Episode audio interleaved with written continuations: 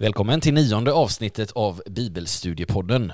Podden där jag, Fredrik Borlin, vikarierande präst i Kungsbacka Hanas församling, läser och samtalar om Bibeln tillsammans med gäster. I varje avsnitt arbetar vi oss igenom ett kapitel av Markus evangeliet och idag så ska vi titta närmare på kapitel 9. Det betyder att vi nu är mer än halvvägs på vår Markusvandring. Med mig här på läktaren i Kungsbacka kyrka så har jag inte en gäst idag utan två. Välkomna David och Josefin Fröjmark. Tackar Tack så mycket. Tack så mycket. Väldigt roligt att ha er här. Hoppas ni känner er laddade. Mm. Gott. Vill ni berätta lite kort om er själva eller om varandra eller ja, något, säga någonting till de som lyssnar om vilka ni är. Ja, jag heter Josefin Mm. Fröjmark och är gift med David Fröjmark. och eh, jag har jobbat här i Kungsbacka i barngrupper av olika slag och eh, även i söndagsskola. All right. Mm.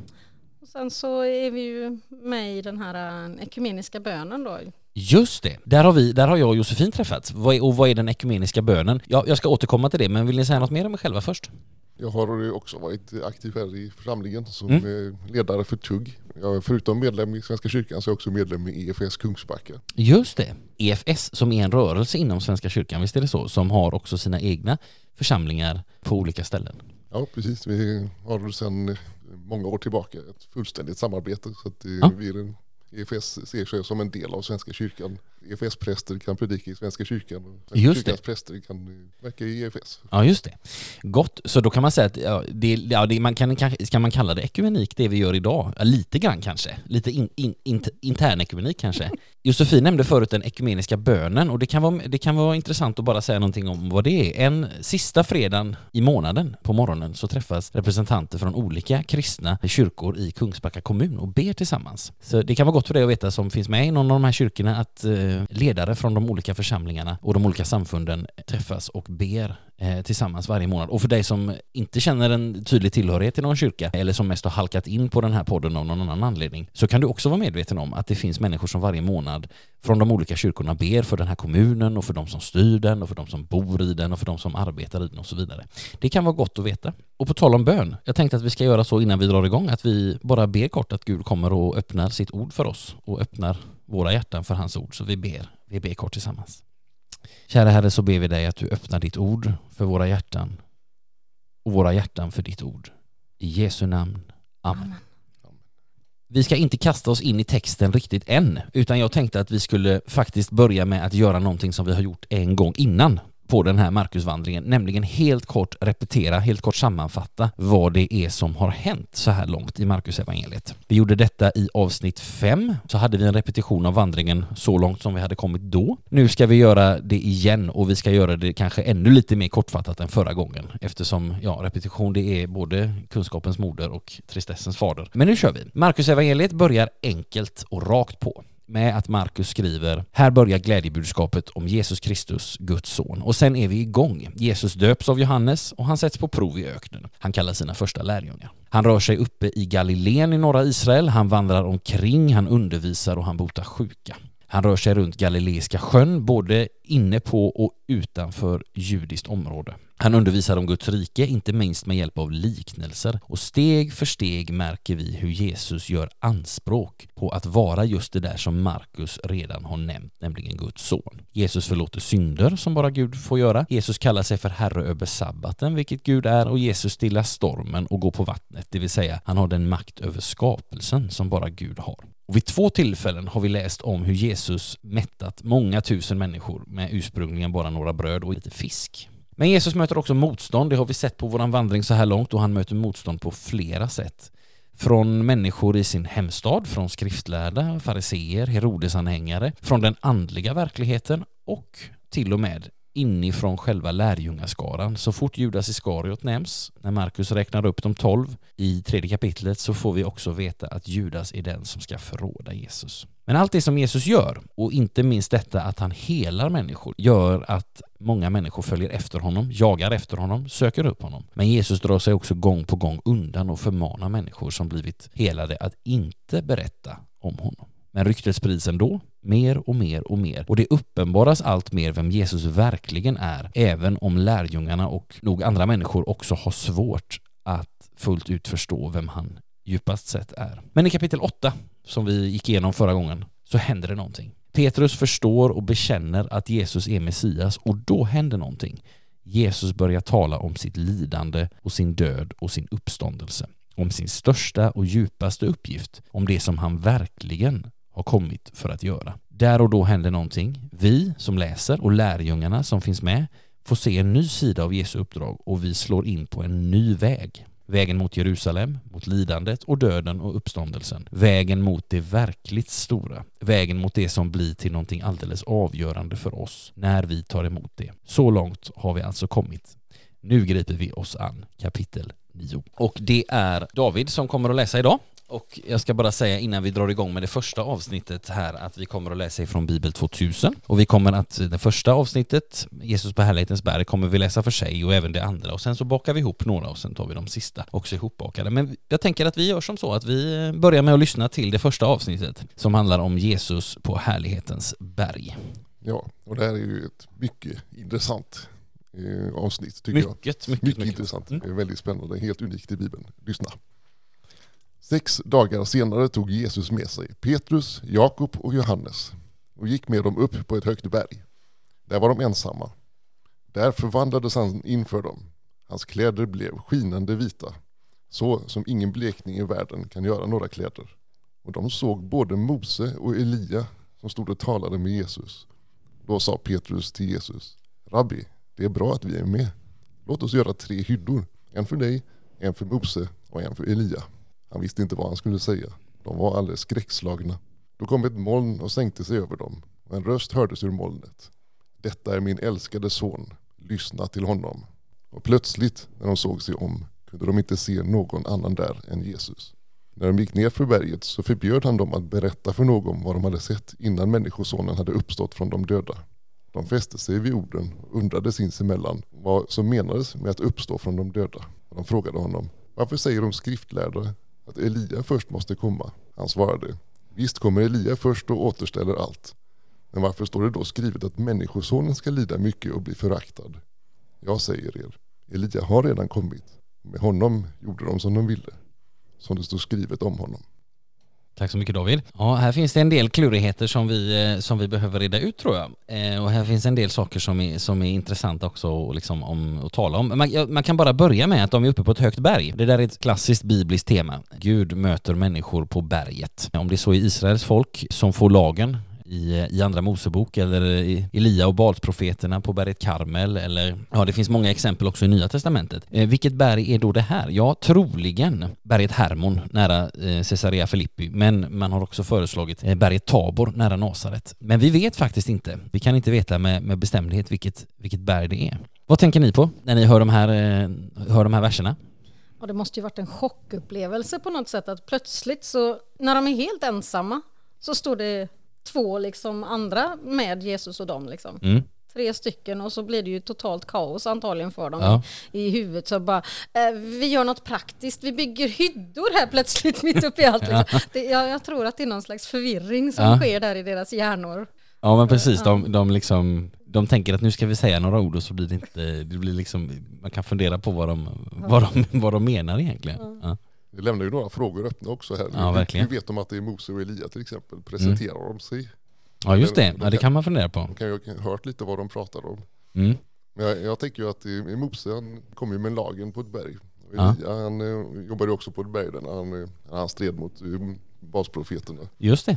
Och nu är de tillbaka på berg här tillsammans med Jesus. Ja, men det är som precis. en, som en sammanfattning av hela Bibeln på något sätt. Mose han kommer med lagen och Ja. eh, profeterna de kommer ju med, med Guds direkta ord. Så att säga. Ja. Och sen så kommer frälsaren som ska sammanfatta allting i- sig själv. ja just det, det är ju faktiskt en väldigt, bra, en väldigt bra summering av, man kan säga att det är hela bibeln som är här, för det är lagen är här och profeterna är här och evangeliet är här, det vill säga Jesus själv. Sen, sen, och, men det är en intressant fråga det här som du, som du ställer David. Hur, hur, kunde liksom, eh, hur kunde de veta att det var just Mose och Elia?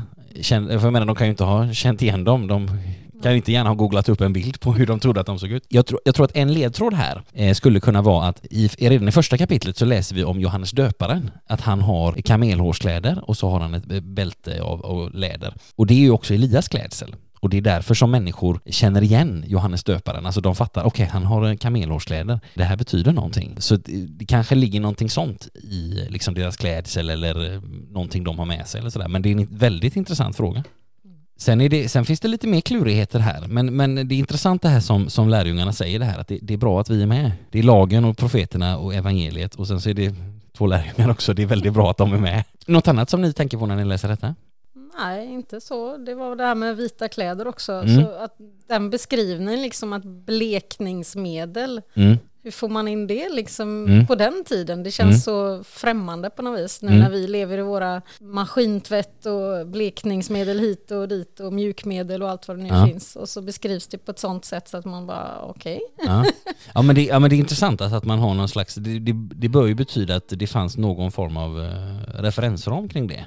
Eh, på den här tiden. Att man, man på något sätt hade någon metod för att göra det här uh, på något sätt. Man kan tänka på så här också, alltså det som Gud säger eller det som rösten säger ur molnet som vi får uppfatta som, som Gud. Detta är min älskade son, lyssna till honom. Det är på ett sätt en, en variation av vad Gud har sagt vid Jesu dop. Men då säger Gud, detta är min älskade son, i honom har jag min glädje. Så det, här bekräftas det som har uppenbarats också redan vid Jesu dop här, ett antal kapitel tillbaka. Jag tänker på bara det här med blekningen där, liksom ja. att det kanske var en sån grej också i och med att de kanske hade hört det med Mose, mm. De blev så bländade ja. när han en gång hade glömt att ta på sig skynket framför ansiktet ja, när han pratade det. med Gud på berget. Man förstår ju att det är någon slags ljus som totalt bländar dem helt ja. enkelt. Ja men det, precis, där finns, ju, där finns ju också en koppling mm. bakåt. Och det finns, faktiskt, alltså det finns faktiskt fler kopplingar bakåt i den här texten. Vi kan dels påminna oss om att det här med att Jesus förbjuder lärjungarna att, att tala, eh, det kommer tillbaka här, men nu finns det en liten modifiering. Det står så här att när de gick ner från berget förbjöd han dem att berätta för någon vad de hade sett innan människosonen hade uppstått. Så nu modifierar Jesus liksom sitt förbud lite att säga att det, det, är på gång på något sätt. Men först måste någonting annat hända och det, det här lidandet har han ju talat om i, i förra kapitlet. Sen finns det en sak till som kan vara intressant eh, att känna till och för att också förstå lite ytterligare av den här texten. Och det är ju det här som, som Jesus säger att men varför står det skrivet att människosonen ska lida mycket och bli föraktad? Jag säger er, Elia har redan kommit och med honom gjorde det som de ville som det står skrivet om honom. Och vad Jesus gör här det är att han helt enkelt hänvisar först bakåt till Malaki 4 som talar om att Elia först måste komma och omvända folket inför Messias ankomst. Och vi förstår här att, eller det kanske vi inte förstår, men, det, men, men Jesus bekräftar här, eller han bekräftar på andra ställen att denne Elia är just Johannes döparen. Han säger det i Matteus kapitel 11 på ett ställe. Och sen så får vi faktiskt också veta det av evangelisten Lukas, men det är redan innan. Lukas börjar ju sitt evangelium efter ett litet företal med att berätta om löftet om att Johannes döparen ska födas. Och där i en vers så smyger han in att det här är den nya Elia. Du kan titta själv i Lukas 1, vers 17. Och sen så står det så här då, men varför står det skrivet att människosonen först ska lida mycket och bli föraktad? Och den, den versen är lite, jag tycker den är lite svår att, den är lite svår att förstå Frågar Jesus verkligen varför står det skrivet att människosonen ska lida mycket? Vi kan också översätta det från grekiska, men vad står det då skrivet om människosonen? Jo, att han ska lida mycket och bli föraktad. Där kan vi tänka på Jesaja 52 och 53 om Herrens lidande tjänare, men det står skrivet.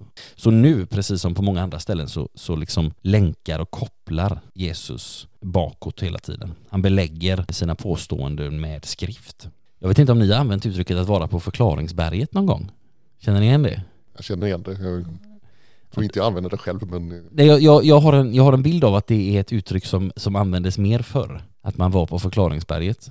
Ja, att man har varit med om någonting väldigt fantastiskt. Sen så kanske man bara kommer tillbaka till verkligheten så blir det som en blöt torsk i ansiktet. Ja, ja men precis. Alltså det här, jag, jag, tänk, jag tänker mig att det här, utan att veta exakt vad det eller utan att ha använt begreppet själv eh, på det sättet, så, så tänker jag mig att det betyder att jag har haft en, en period, kort eller lång, av liksom, där jag har tagit steg i tro. Liksom. Alltså att jag har fått, fått till mig saker som är gott och sen så, det kan vara att man är bortrest någonstans i något sammanhang eller på någon konferens eller vad det kan vara och sen så kommer man liksom hem igen och så, oh, nu är vi tillbaka liksom. Men, men att man har varit där uppe och fått, liksom, fått ta steg helt enkelt. Ja, vi ska vandra vidare och få höra om ett av många av Jesu helanden. Så att vi ska läsa ifrån vers 14, eh, texten som i min översättning har titeln En pojke med en stum ande botas. Jag bara säger det att jag tycker också att det är bra att lärjungarna var med. Att Gud är inte främmande när det heliga händer att ha med oss människor. Det är positivt tycker jag. Nej men precis, och det är också bra att de är med så att vi kan få läsa om detta. För det kommer vi se, inte minst sen när vi handlar om Jesu död och uppståndelse, att, att lärjungarna är frånvarande. Men, men då introducerar Markus nya personer som, som på något sätt får, kan man tänka sig, är liksom länkarna till att Markus evangeliet kan skrivas och vi kan läsa det. Så att eh, det är väldigt bra att de är med. Det tycker jag är en bra sammanfattning av den texten. Det är väldigt bra att de var med. Men nu ska vi lyssna till nästa avsnitt. Ja, eh, en pojke med en stum ande botas. När de kom tillbaka till lärjungarna fann de mycket folk omkring dem och skriftlärda som diskuterade med dem. Men när folket fick se honom så greps de av bävan och skyndade fram för att hälsa honom. Han frågade, vad är det ni diskuterar? Mästare, svarade en i mängden. Jag har kommit till dig med min son som har en stum ande. Var den än faller över honom kastar den omkull honom och han tuggar fradga och skär tänder och blir stel. Jag bad dina lärjungar att driva ut den, men det kunde de inte. Han sa, detta släkte som inte vill tro. Hur länge måste jag vara hos er? Hur länge måste jag stå ut med er? För hit honom. De kom fram med pojken och när han fick se Jesus så började anden genast slita i honom så att han föll omkull och vältrade sig på marken med fradga kring munnen. Jesus frågade hans far, hur länge har det varit så här med honom? Fadern svarade, sedan han var liten och ofta har anden kastat honom både i eld och vatten för att ta livet av honom. Men förbarma dig över oss och hjälp oss om du kan. Jesus sa, om jag kan. Allt är möjligt för den som tror. Då ropade pojkens far, jag tror, hjälp min otro. När Jesus såg att folk strömmade till sa han strängt till den orena anden.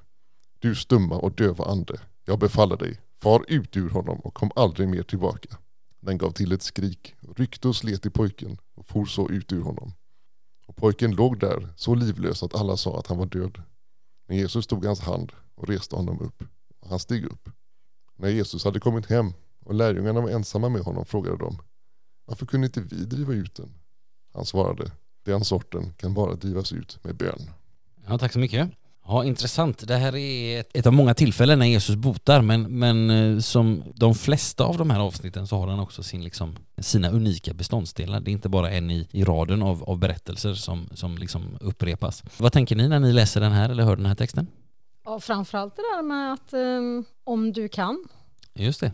Ja, Jesus har ju sagt det själv att han är den som kan. Mm. Och man märker då att det finns ju tvivel naturligtvis, mm. precis som för oss, att vi också mm. tvivlar. Mm. Men också den här äh, känslan av att Jesus äh, är frustrerad sen då när lärjungarna frågar honom efteråt, äh, varför kunde inte vi liksom? Han ja. åh, liksom vad ja. frustrerad han blir. Ja. Att, har ni inte lyssnat på det jag har berättat liksom? Att, har ni inte förstått fortfarande varför Nej. jag inte...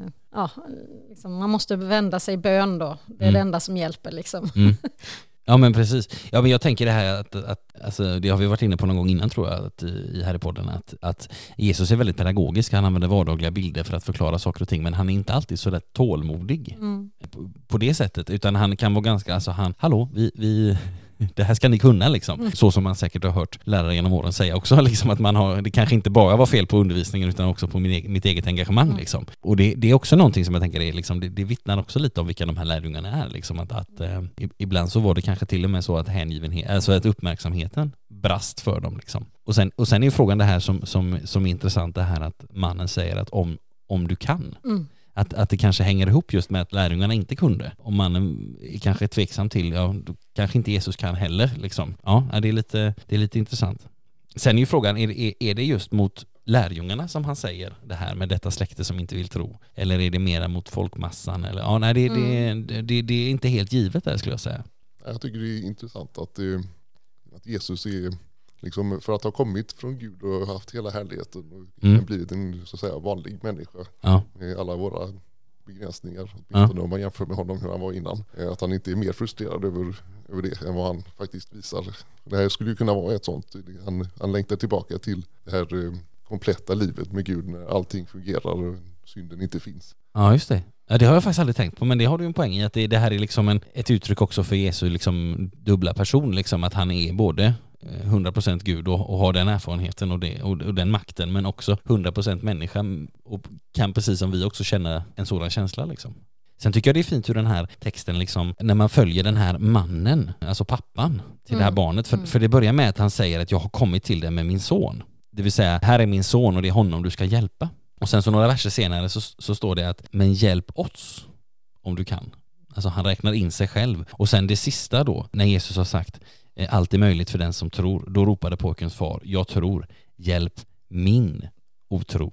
Så att från att ha liksom pratat om sin son och sen så pratat om ett oss så kommer det liksom honom så nära att nu handlar det om honom själv. Hjälp mm. min otro liksom. Jag tänker väl också det att han, det är liksom därför som han kommer och säger som han gör liksom mm. det här att hjälp mig, hjälp mig för att vi har ett problem. Jag menar mm. det Eh, ens barn innefattar ju alltid ett problem för sig själv också. Mm. Den frustrationen i att han inte kan hjälpa honom själv. Liksom. Nej, nej. Att det blir eh, en sån eh, känsla av maktlöshet. Ja. Som, och, och, just därför också att erkänner han då, hjälp min otro. Liksom. Mm.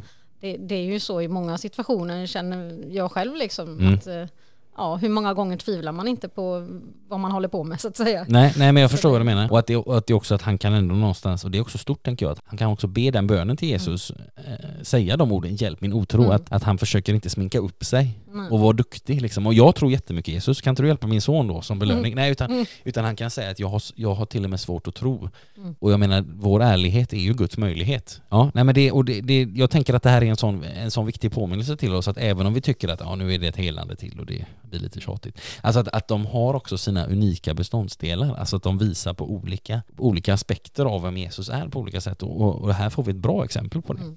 Jag tänkte att vi ska ta och gå vidare. Vi ska läsa två avsnitt nu. De avsnitt som i min översättning heter Andra förutsägelsen om Människosonens lidande och Vem är störst? Sedan gick de därifrån och vandrade genom Galileen. Han ville inte att det skulle bli känt eftersom han höll på att undervisa sina lärjungar. Han sa Människosonen ska överlämnas i människors händer och de kommer att döda honom. Och tre dagar efter sin död ska han uppstå. Men de förstod inte vad han menade och vågade inte fråga. De kom till Kafarnaum och när han var hemma igen så frågade han dem vad var det ni talade om på vägen? De teg, för på vägen så hade de tvistat om vem som, av dem som var den störste. Han satte sig ner, kallade på de tolv och sa om någon vill vara den främste måste han bli den ringaste av alla och allas tjänare. Så tog han ett barn och ställde det framför dem, la armen om det och sa Den som tar emot ett sådant barn i mitt namn, han tar emot mig. Den som tar emot mig, han tar inte emot mig utan den som har sänt mig. Ja, här får vi ytterligare lite mm, inblick också i lärjungaskaran och, och eh, vilka de är. Intressant att eh, förra gången så har, har vi fått eh, liksom en bild av lärjungarnas ofullkomlighet på det sättet att de, de har liksom mött ett för stort hinder. Och, men, men de är inte snabba att snabbt ta upp en diskussion om vem som är den främsta av dem. Det, det, jag tänker att det kanske psykologiskt hänger samman. Att de liksom, de behöver på något sätt försöka att hämta in sin förlorade stolthet eller någonting. Jag vet inte. Men, men det, det, är intressant just det här att efter det här misslyckandet så, så börjar de diskutera eh, vem som, är den, vem som är den främste. Och däremellan så får vi den här andra av tre förutsägelser om Människosonens lidande. Vad tänker ni på Josefina och David när ni läser de här verserna? Jag tänker att det här är typiskt mänskligt. Det är liksom, de har redan börjat bli kyrka här. Vem ska vara kyrkoherde? Och vems fel var det att vi inte kunde driva ut anden? Och det är som du säger, det är, de dryft, dryftarna börjar väl antagligen med här eh, misslyckandet. Ja, just det. Sen så fortsätter det med att jag kanske hade gjort det bättre. Så här skulle vi ha gjort. Ja, precis. Jo. Man, ja, men precis. De, de tillsätter en liten utredning här för att se vem, vem som är den skyldige. Nej, men, och jag tänker att det här är väldigt intressant, för man, man och det är ju också en, liksom en, ett bärande tema i Markus evangeliet och i alla evangelier, att lärjungarna är inte fullkomliga. Mm. Alltså det, det, är inte på något sätt liksom. Något särskilt du tänker på Josefin? Ja, jag tänkte ju just på det där att eh, när han berättar om det där att eh, någon ska döda människosonen. Ja. De blir ju naturligtvis, hjälp, vad är det han säger? Ja. Är det sant? Ja.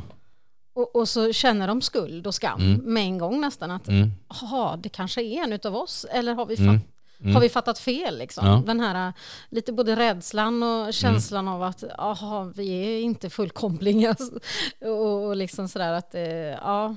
Och jag tänker också att, att, eh, när vi läser det här att men de förstod inte vad han menade och vågade inte fråga, att jag tänker att dels så kan vi förstå det av förra förra gången i kapitel 8 som Jesus säger att, att han ska lida och dö, för då kommer ju Petrus fram till honom och säger någonting att nej men det ska aldrig hända och, och, och Petrus får ett väldigt eh, skarpt svar. Eh, håll dig på din plats Satan. Så att både kopplat till, till det tänker jag, att de inte vågade fråga, men, men också kopplat till att, att de har ju någonstans mött sin egen ofullkomlighet i att de inte kan. Och att de, precis som du säger, att de kanske också börjat vila på hur ska det här ske eller vem ska tillåta detta på ett, på ett djupare plan. Ja, och sen har de, de lever ju liksom i den här som mynnar ut i att de sen senare kommer att försöka tvinga Jesus att bli en kung eller ledare. Ja, ja precis. På något sätt. De ser honom fortfarande som en mänsklig militär ledare på något sätt. Ja, jo men absolut. Inte förlorad liksom, då kan han ju inte bli dödad, det går ju inte. Nej, nej precis, det, det ligger liksom bortanför hela, alltså hela tanken om vem Messias är liksom. Och vi kommer se i kommande kapitel hur det här liksom uppenbarar sig mer och mer, både folkets förväntningar och också vem, vem Jesus är och på vilket sätt han är Messias. Jag, jag tänker att det blir, eh, vi får också en liten nyckel till att förstå det här med att Jesus håller, håller sig liksom undan i det här avsnittet för att för vi läser att han ville inte att det skulle bli känt eftersom han höll på att undervisa sina lärjungar. Alltså där har vi en nyckel till att förstå varför är liksom Jesus, eh, varför drar han sig undan, varför förbjuder han människor att, att berätta vem han är? Och sen är det också intressant att när då lärjungarna tvistar om det här, om vem som är den främste, och det kommer de göra igen i nästa kapitel, så att de, har, de är i någon mån lite oförbätterliga. Men Jesus svarar med vad man tänker jag kan kalla för en ledarskapsprincip i Guds rike. Alltså om någon vill vara den främste ska han bli den ringaste av alla och allas tjänare. Och det, det svaret eller ett liknande svar kommer ju Jesus ge också nästa gång som lärjungarna får för sig att de ska göra någon slags, ja vad ska vi kalla det, organisationsstruktur här med lite olika linjer och färger och sådär eh, och, och sätta sig över varandra. Eh, så svarar Jesus med, med någonting liknande och jag tänker att där får vi verkligen en, en princip för varför varför väljer Markus att berätta om detta? Två, två gånger? Jo, för att det är viktigt. Alltså för jag menar, man får ju tänka sig att, att, att Markus hade betydligt mer han kunde berätta om och det bekräftar ju Johannes själv i sitt evangelium att skulle jag skriva ner allting så skulle inte alla världens böcker rymma detta liksom. Jag tänker väl också lite grann det här med att, eh, att någon ska döda honom och den här känslan av att nej, bara inte det är vi liksom eh, som ska bli indragna i det här jobbiga och svåra, för vi vill ju vara den bästa. Mm. Och utifrån det att jag vill ju vara den bästa hjälpledaren här till Jesus, så, ja. så kommer de på den tanken att ja, men eh, vem är nu bäst av oss att ta hand om ja, det här. Eh, stora ansvaret och sådär. Ja. Och, och liksom nästan genom att de först har fått höra det här hemska, sen plötsligt bara, ja men alltså vi måste ta ett tag med något annat, vi liksom vill skuffa undan det jobbiga jobbiga ja, just det. Ja, genom för, att liksom ja. förstora, ja nu vill vi bli stora mm. här och, och vem av oss är bäst på det. Ja, just det. Och utifrån det som Jesus säger så skulle de egentligen tvista om vem som är den lägste. Ja, precis. alltså, och hjälper tänker... de andra som ja, men, behöver hjälp. Ja, alltså. ja, men precis. Jesus vänder ju det snyggt där med det här barnet, tycker ja. jag. Att han plockar upp att det är den som tar hand om barn och jag antar att han syftar på det med änkor och faderlösa som ska få höra, få frid, som också står i gamla testamentet om Jesus.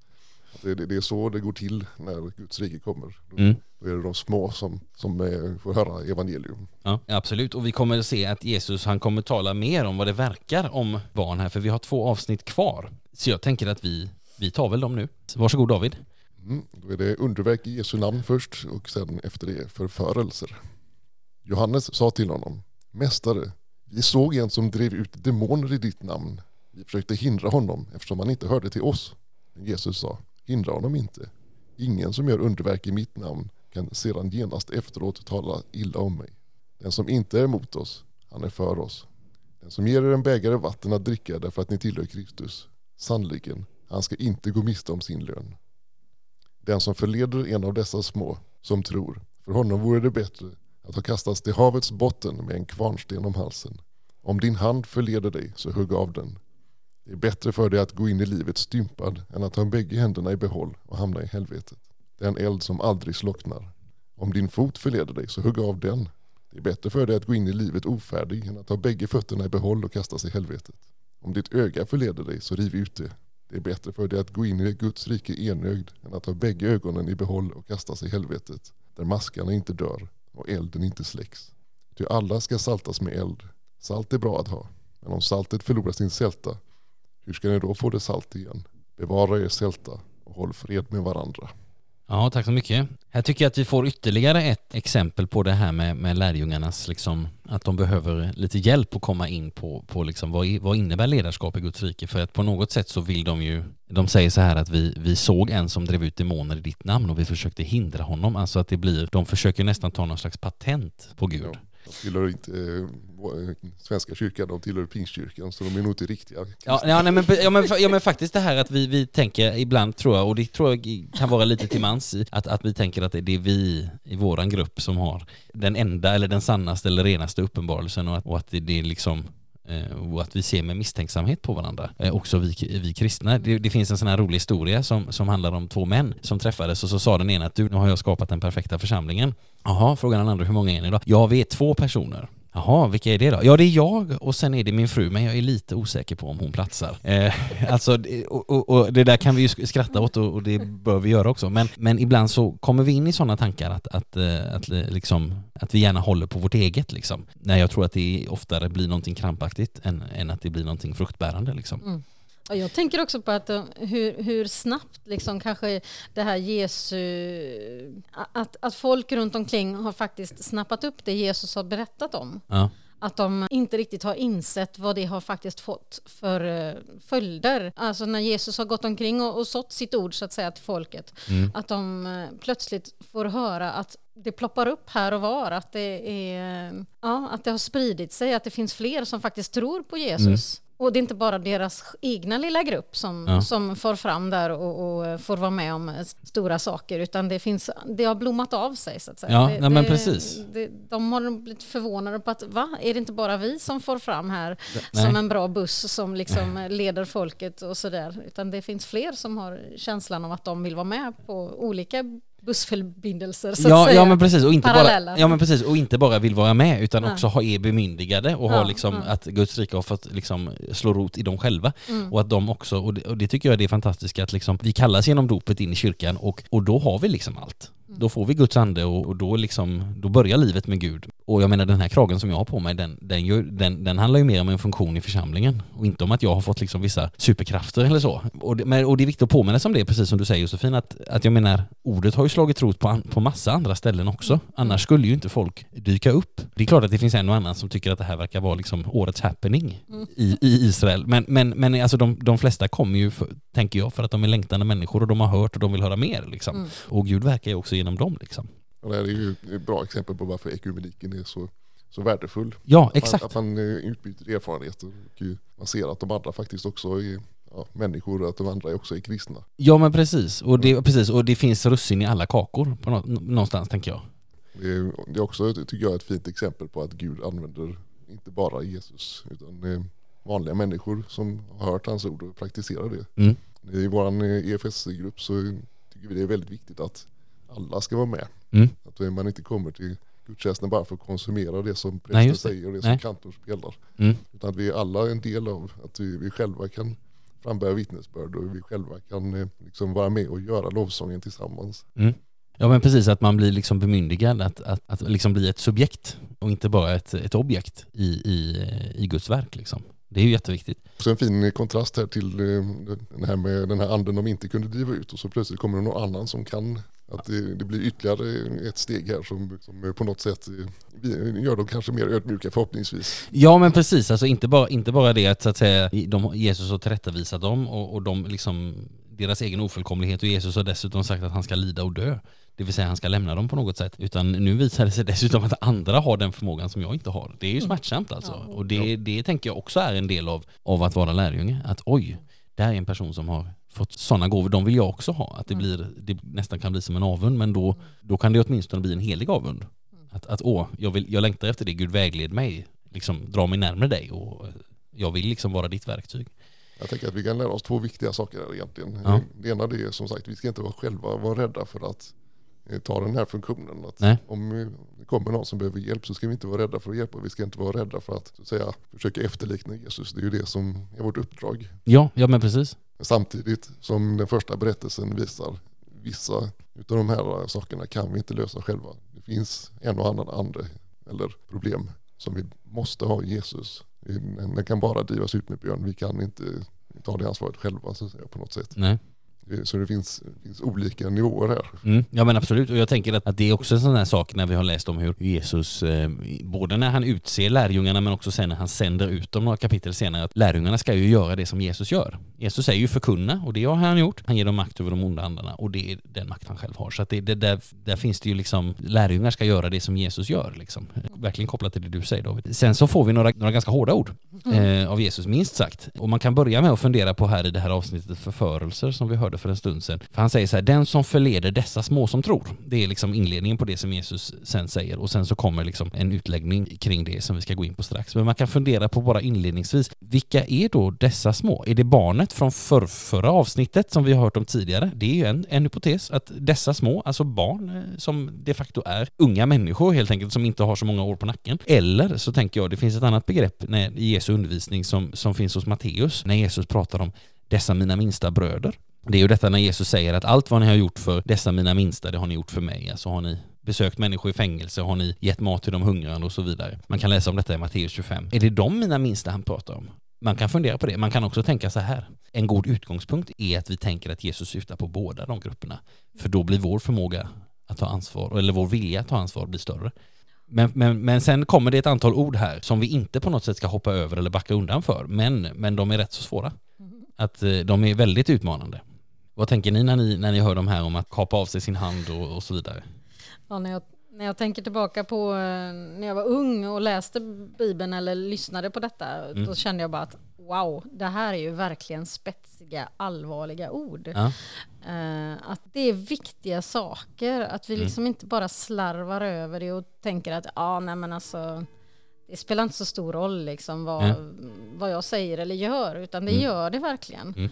Att, att luras och, och liksom, ja, säga grejer till kompisarna som inte är sant. Mm. Hur mycket det påverkar liksom. Ja, ja alltså jag tror liksom att, mina, att barnen eller sådär, det handlar om medmänskligheten helt enkelt mm. och, och, att ja, se varandra och, och bry sig om varandra och mm. tala bra helt enkelt. Mm. Ja men precis och jag tänker också att när, när det här, jag tänker att det här avsnittet i stort också så tydligt handlar om lärjungaskapet, liksom mm. att de är oförmögna och sen var det andra som kunde och Jesus ger dem en bra princip när de liksom tvistar. Och så tänker man sig att ja men vad har vi fått till att vara lärjungar? Ja, men vi har fått ögon att se med. Mm. Vi har fått händer att arbeta med, vi har fått fötter att gå till ställen där vi behöver vara som Jesu lärjungar. Liksom. Men de sakerna kan vi också missbruka. Mm. Alltså det är ju oftast det man tänker att det som Gud ger som en välsignelse det blir en avgud för oss. Eller det blir, blir till någonting som inte bygger upp. Liksom. Och att det, det, är också där, jag tänker att det är också därför som Jesus använder de här spetsiga bilderna. Att, för du har ju fått dina ögon till att se människor. Mm. Och till att liksom upptäcka att här är någon som behöver uppmuntran eller bön eller någonting och du har fått händer att arbeta med. Liksom. Jag tror att det är också en nyckel till att förstå varför Jesus är så väldigt grafisk här. Mm.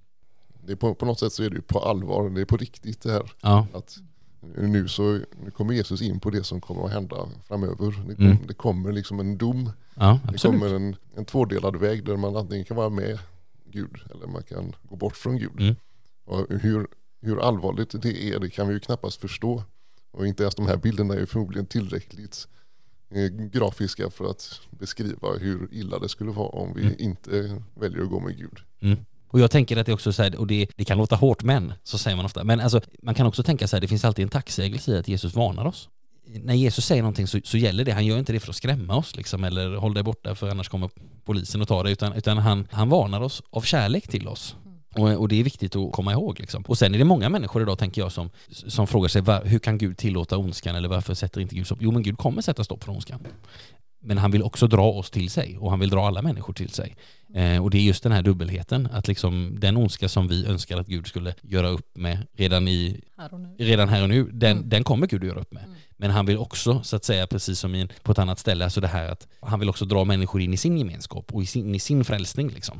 Mm. Om man säger så så inser man kanske inte heller att om Gud skulle, verkligen skulle göra upp med ondskan mm. upp och ner här och nu mm. så kanske 99% av mig också skulle göras upp med. Ja, och även med mig. Vi är ju alla dess hantlangare. Ja. Så tillvida. Och det Jesus eh, erbjuder oss är, är sin förlåtelse liksom. Man kan också fråga sig, eller många frågar sig, hur kan Gud vara så dömande att han så att säga skickar folk till helvetet bara för att man, ja, om man nu säger, jag är väl inte sämre än någon annan kanske man säger, mm. eller visst jag bråkade med min bror häromdagen eller visst jag kallade den där personen för det ena och det andra. Mm. Som inte kan nämnas här. Nej. Eh, så, eh, så hur kan Gud vara så dömande att han skickar någon till brinnande evighet bara för den sakens skull. Men jag tänker att man kanske får drista sig till att försöka sätta sig in i Guds synvinkel här och se hur mm. han ser på oss. Absolut. Han har ju gjort oss. Han har skapat den här världen. Han har skapat oss. Vi är makalösa skapelser som är helt otroligt sinnrikt konstruerade. Och han vill att vi ska använda de här verktygen som vi är och har till att göra gott mot varandra. Att mm. göra det som var meningen. Så kommer vi förstöra allting. Ja. Jag menar, eh, visst man kan tycka att en lögn det kanske inte är så allvarligt. Att skylla ifrån sig kanske inte är så allvarligt. Att göra något litet förbjudet någon gång kanske inte är så allvarligt. Mm. Men eh, om man tänker på, alltså, om Adam, den första Adam, hade varit här just nu. Mm. Vi skulle fråga honom liksom hur han såg på sin olydnad, mm. sin lögn när han skyllde på Eva och sin eh, första synd här. Vad det fick för konsekvenser för Guds skapelse. Att mm. allting blev förstört. Liksom. Hans lilla vita lögn eh, i förlängningen eh, blev eh, andra världskriget, det blev svält, det blev lidande, mm. det blev död och elände. Mm. Hur skulle han kommentera mm. det här avsnittet här? Mm. Jag tror han skulle vara ännu mer drastisk än vad Jesus var här. Ja, jo men jag, jag, förstår vad du menar. Och jag tänker att det är, det här, här finns det saker som är, som är prövande för oss, alltså som är utmanande för oss. Men, men hela, alltså undertonen när Jesus varnar så är inte det liksom återigen för att skrämma oss utan för att just varna oss. Liksom. Och också för att säga, men kom till mig alla ni som är tyngda av bördor. Jag ska skänka er vila. Alltså förlåtelsen är precis lika gränslös eh, oavsett vad, vad, liksom vilket CV vi kommer med. Men här finns, här finns det en, en allvar för, ett allvar för att här, här handlar det om liksom hela evigheten och ev, hela evigheten är ju djupast sett Guds. Liksom. Och en dag kommer det bli så, alltså när vi är tillsammans i evigheten, mm. då finns ingen synd, det finns ingen, inga tårar, ingen nöd. Nej. Så då måste vi ju leva på det sättet. Mm. Så det, det är lika bra att börja öva redan nu tycker jag. Ja, så gott, som, så gott som vi kan men också förstå att, vår, att vi är ofullkomliga och vi behöver Jesus trots våra goda föresatser.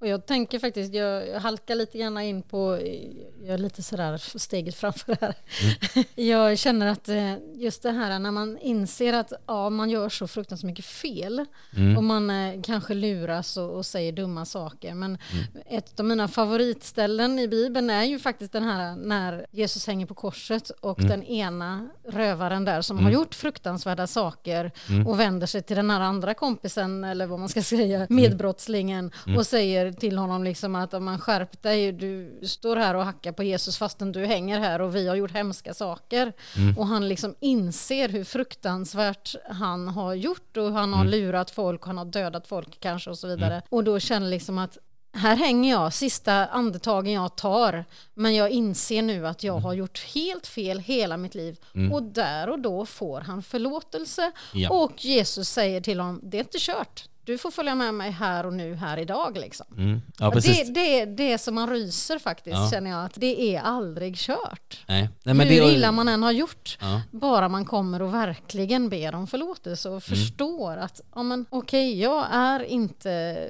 fullkomlig. Jag, mm. jag har mina brister och det är jag fruktansvärt ledsen för. Och, mm. Men jag vill verkligen följa det Jesus ändå. Mm. Liksom. Så att, eh, det känns trösterikt att veta att man inte mm. är förlorad så att säga. Ja, man kan säga att det är det som är skillnaden mellan Jesus och a-kassan. Att i a-kassan måste du vara med ett år innan den börjar gälla. Ja. Men med Jesu lärjungar kan du ha varit i en nanosekund och du får ja. ändå du får ändå så att säga full täckning. Alla löften gäller från den tidpunkt när du kommer till honom. Och det, det är fantastiskt. Det är en fin avslutning på bibelordet här om man säger. Mm. Att det, det här med saltet, att ja. det, vi, vi kan ju tycka att, som, som jag sa innan, eh, många kan tycka att det låter dömande och det, mm. det kanske är lite jobbigt med kristna som man har haft dåliga erfarenheter mm. av just sådana här ord som man upplever som dömande och orättvisa. Ja. Eh, men om man ser dem som salt Visst, om man tar en tesked salt i munnen så är det inte gott. Nej. Men i maten, alltså man tar det i livet, så blir det till gott. Det blir gott. Och det, det är intressant det här som, som, som Jesus säger mot slutet här, att alla ska saltas med eld. Vad det betyder. Jag, jag läser det som, eller jag förstår det som att liksom elden där, det är, det är prövningar. Och att saltas, det liksom betyder att, att vi ska renas. Det vill säga att allt kommer inte att bli perfekt här och nu om vi tar emot Jesus. Men allting får, kan få en mening. Allting har inte alltid en mening tror jag, men allting kan få en mening när vi ställer den frågan till Gud. Gud, vad, vad kan du göra av detta? Det vill säga, och, och det är någonting som också för oss närmare Gud. Sen tycker jag att det här med salt, det påminner oss också om någonting kring vad Gud gör för oss och vad vi kan göra som hans lärjungar, eller som Jesu lärjungar. Det står, Jesus säger så här, salt är bra att ha, men om saltet förlorar sin sälta, hur ska ni få det salt igen? Bevara er sälta och håll fred med varandra. Det vill säga, salt utan sälta, det är ju bara liksom salt i namnet. Och det är inte, Jesus vill inte ha lärjungar som är till bara till namnet, utan det ska finnas en, en sälta. Och det kan man ju fundera på, hur bevarar man sin sälta? Det är en intressant, det, det, kan du som lyssnar på detta fundera över också, hur kan jag bevara min sälta? Sen tycker jag det är gott att, att bilden av salt, för nu ska vi göra en liten djupdykning här, alltså när Jesus talar om salt så påminner han oss om någonting som han gör för oss och som han vill göra för oss. Vi har ju sagt det förut att Jesus är pedagogisk så tillvida att han använder sig av liknelser som innehåller bilder hämtade från vardagslivet, från växtriket, från jordbruket och så vidare och helt enkelt för att sådana arenor, det kände de människor som lyssnade till honom till. Och det här med salt, det är ett bra exempel på detta, för alla vet vad det är och alla vet hur det smakar. Alla som hörde David säga för en stund sedan, ta en tesked salt i munnen, fick nog någon sån här... Liksom. Och alla vet i alla fall lite grann om att man kan använda det här till olika saker. Men det där sistnämnda, att saltet har flera olika funktioner, det tänkte jag man skulle kunna påminna sig om eh, lite grann, för det påminner också oss om, som sagt, vad Jesus vill göra för oss. Jag har listat fyra saker som, som saltet gör. Eh, det första är ett salt som, som David sa, det förhöjer smaken. Alltså även en trist lunchlåda en tisdag i februari får lite nytt liv av lite salt. Och det påminner oss om att tron på och livet med Gud ger en nypa salt, en förhöjd smak eller en, en grund att stå på varje dag, även tisdagar i februari. Och sen så bevarar ju saltet, eller konserverar, eller liksom bevarar från förruttnelse och saker som saltas in, det håller länge, väldigt länge och det påminner oss om att Jesus vill inte stoppa oss i en burk och sätta oss längst in i skafferiet och glömma bort oss, eh, som man ibland gör när man lägger in saker, utan, utan Jesus vill däremot bevara oss från det som är ont och bevara oss i sin närhet. Sen är tredje funktionen att salt renar. Alltså man ska inte strö salt i såren, heter det ju. Men eh, faktum är att det kan vara bra att göra det. I alla fall en sån här koksaltlösning om man har ett sår som behöver renas, vilket sår måste göra för att kunna läkas. Och den funktionen hos saltet påminner oss om att Jesus vill både rena och läka oss. Ibland kan ord från Jesus svida till. Det kan vi tänka på de, vissa av de ord vi har läst idag. De kan svida till. För Jesus han utmanar oss. Men när så sker så är det alltid för att det djupaste målet som han har är att rena oss och läka oss. Och så det fjärde som är ganska aktuellt den här lördagmorgonen när vi spelar in det här avsnittet, nämligen att salt behöver man ibland ha på vägarna. salt behövs och är nödvändigt på isiga vägar, för saltet smälter det som är fruset och det påminner oss om att Jesus vill smälta det hjärta som är fruset för honom. Sen är det så att de här fyra egenskaperna som salt har, de påminner oss också om vår kallelse, om vårt uppdrag att följa Jesus och göra sånt som han gjorde och gör. Att genom bön och ord och gärningar bidra till att förhöja smaken i sammanhang. Bevara, vara trogna mot det vi har fått ta emot av Gud när vi lämnar vidare det till andra. Inte så att säga skapa evangelium Fredrik edition eller Josefin eller David edition utan att försöka bevara och lämna vidare det som vi själva har fått ta emot. Att verka renande och helande för människor och bland människor och att säga och göra sånt som smälter och värmer. Allt är möjligt med den helige Andes hjälp. Absolut. Bra sagt. Tack så mycket. Vad skönt, vad skönt med gäster som inte säger emot allt man säger. Det är alltid, det är alltid, det är alltid gott. Sen har vi, vi har ju som ni, jag tror att ni som lyssnar på detta är lite vana vi försöker ha någon lite allmän bibelfråga i varje avsnitt. Så jag tänkte att jag vill gärna höra era topp tre bibelställen. Så får vi se om det är någonting som vi har hört innan eller om det är något helt nytt. Men vem av er vill börja? Ja, du, vill du börja Josefin?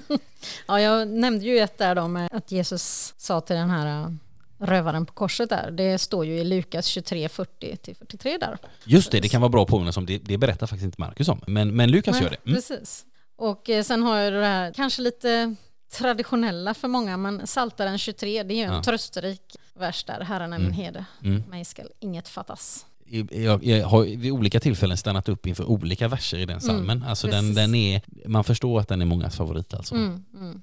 Ja, för den innefattar mycket i mm. ens liv och ens vardag. Ja som eh, är skönt. Och sen har jag också även nu de senaste åren EFS EFC-brevet. Mm, det var viktig skillnad där, att EFS har alltså ingen egen del av Bibeln. EFC-brevet 6, 10 till 18. Det är ju den här vapenrustningen. Just det, Guds vapenrustning. När det är tufft i livet och, och sådär så är det mm. skönt mm. att veta att Gud vill faktiskt klä oss i en rustning som hjälper oss att mm. uh, ja, stå emot allt som känns jobbigt och, och mm. tungt och att uh, ja, mm. ens tankar kan skyddas i, i hans uh, vapenrustningshjälm där och, mm. och villighetens skor och sånt där. Att man vill göra massa saker men så gör man inte det ändå och sådär. Så att den är, det är också en favorit. Att, det är, också en, ja, men det är också en sån här sak att meditera över lite som Psaltaren 23 tänker jag. Mm. Att, att det, är, liksom, det handlar om saker som skyddar oss men också mm. om andens svärd som är Guds ord. Alltså att, mm. att det också handlar om någonting offensivt. Att, mm. att liksom, man kan rusta sig med det också liksom för, att, för att gå ut i livet. Liksom. Absolut. Mm, det var mina Gott. David?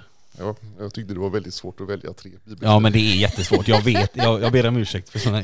Jag är ingen lika god pedagog som Jesus. Jag tänkte att jag skulle först välja ett favoritbibelställe. Ja. Första Moseboken 1.1 till Uppenbarelseboken 22. Ja, just det. Det är, ett, det är ett trevligt avsnitt. Ja. Ja, lite varierande. Ja, nej, men sen när jag tänker efter, så det som gör det värt att leva som kristen, ja. att vara med Gud, ja. är ju att alltså, det, det, vi har hört nu det har ju varit lite beskt och lite eh, problem och mm. lite synd och otrevliga saker. Mm.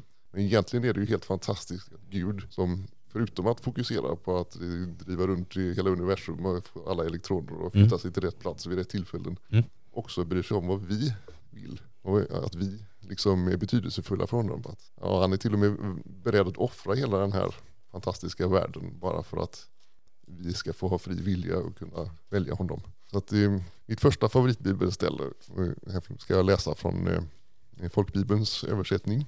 Det är Efesierbrevet 1, 4-5. Han har utvalt oss i honom före världens skapelse till att vara heliga och fläckfria inför honom. I kärlek har han förutbestämt oss till barnaskap hos honom genom Jesus Kristus efter sin goda viljas beslut. Det är rörande. Mm. Det är, Underbara ord. Att Gud det första han gör är att sitta och planera dig och mig. Mm. Sen så börjar han med det här med stjärnor och ljus och sånt. Det är fantastiskt. Mm. Sen har jag också en framtidsbild som jag är väldigt, som jag ofta mm. kommer tillbaka till. Uppenbarelseboken 22. Jag tar bara några verser. Mm. Ingen förbannelse ska finnas mer. Guds och Lammets tron ska stå i staden och hans tjänare ska tjäna honom. De ska se hans ansikte och bära hans namn på sina pannor Ingen natt ska finnas mer. De behöver inte lampors sken eller solens ljus, för Herren Gud ska lysa över dem. Jag, Jesus, har sänt min ängel för att vittna om allt detta för er i församlingarna. Jag är Davids rotskott och ättling, den klara morgonstjärnan. Och anden och bruden säger kom. Och den som hör det ska säga kom. Och den som törstar ska komma. Och den som vill ska fritt få ta emot livets vatten. Underbart. Kommer inte på något tredje. Nej, det är helt okej.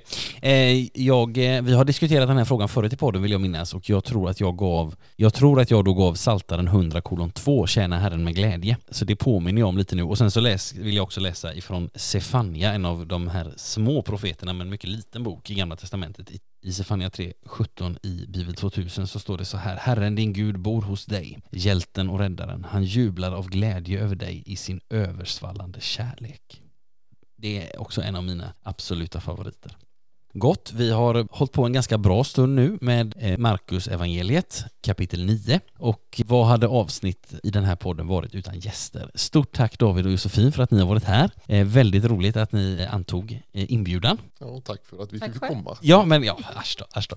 Ehm, men som sagt, väldigt, som sagt, väldigt gott att ha er här och till dig som lyssnar på detta, hoppas att du har också funnit någonting genom att vi har läst och samtalat om, som sagt, Markus 9. Vill du så kommer det snart ett avsnitt till av den här podden och tills dess, om vi återhörs då, så önskar jag dig allt gott och Guds välsignelse. Ja, det gör jag även om du slutar lyssna på den här podden och har tröttnat på den så ska du ha Guds välsignelse och allt gott. Hej!